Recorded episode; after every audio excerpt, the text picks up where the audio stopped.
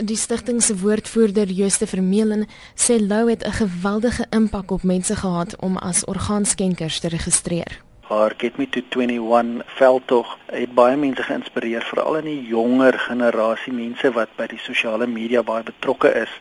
En toe die nuus tragiese nuus nou deurgekom het gister, het ons geweldige groot inname van registrasies gesien. Hy sê Suid-Afrikaners registreer fliks, maar daar is ongetwyfeld 'n nood vir skenkers in die land. Ons noem altyd 'n getal van 4300 mense, maar jy weet dit is die infrastruktuur wat beskikbaar is.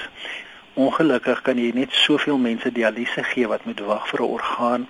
As daar nie sulke infrastruktuur soos lewensondersteunende infrastruktuur beskikbaar is nie, kan mense nie gehelp word nie. So daar's duisende mense wie se name ons nie ken nie wat nie eens 'n kans kry om te wag vir orgaan nie wat ook doodgaan. As daar meer orgaanskenkers is, as daar meer skenkings gebeur, kan meer oorplantings plaasvind.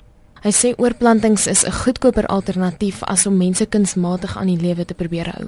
Daar is baie kinders, daar's baie ma's en pa's wat wag baie keer is dit verniet en uh, dit is baie hartseer want dit hoef nie so te wees nie. Weet om orgaanskenker te wees is 'n keuse. Ons hoef net 'n keuse te maak om orgaanskenker te wees. Ons kan vir ons vriende en vir al ons naasbestaandes vertel is ons wens en hulle inspireer om ook skenkers te word. Die skenker en die skenker se familie hoef nie finansiëel op te dok vir die prosedure nie wanneer jou liggaam nou potensieel gebruik kan word vir skenker is daar ook geen koste aan jou familie nie dit is heeltemal vir die koste van uh, die mediese instansie of in party gevalle uh, vir die koste van die ontvanger van die orgaan, maar daar is geen geen koste hoegenaamd vir die mense wat die skenker is nie.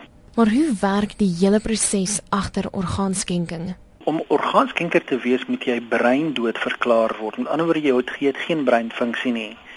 Jou naasbestaandes word dan genader en daar word vir hulle gevra kan ons jou geliefde wat nou hier afgesterf het se liggaam gebruik vir orgaanskenking as hier jou familie nie gemaklik voel met die gedagte nie met ander woorde daar's enige iets waaroor hulle onseker is dan is daar geen manier wat 'n mediese span sal voortgaan om hierdie persoon se organe te gebruik nie Dit is om hierdie rede dat jy moet registreer of moet seker maak dat jou familie weet jy wil jou organe skenk. Die proses is dan eenvoudig.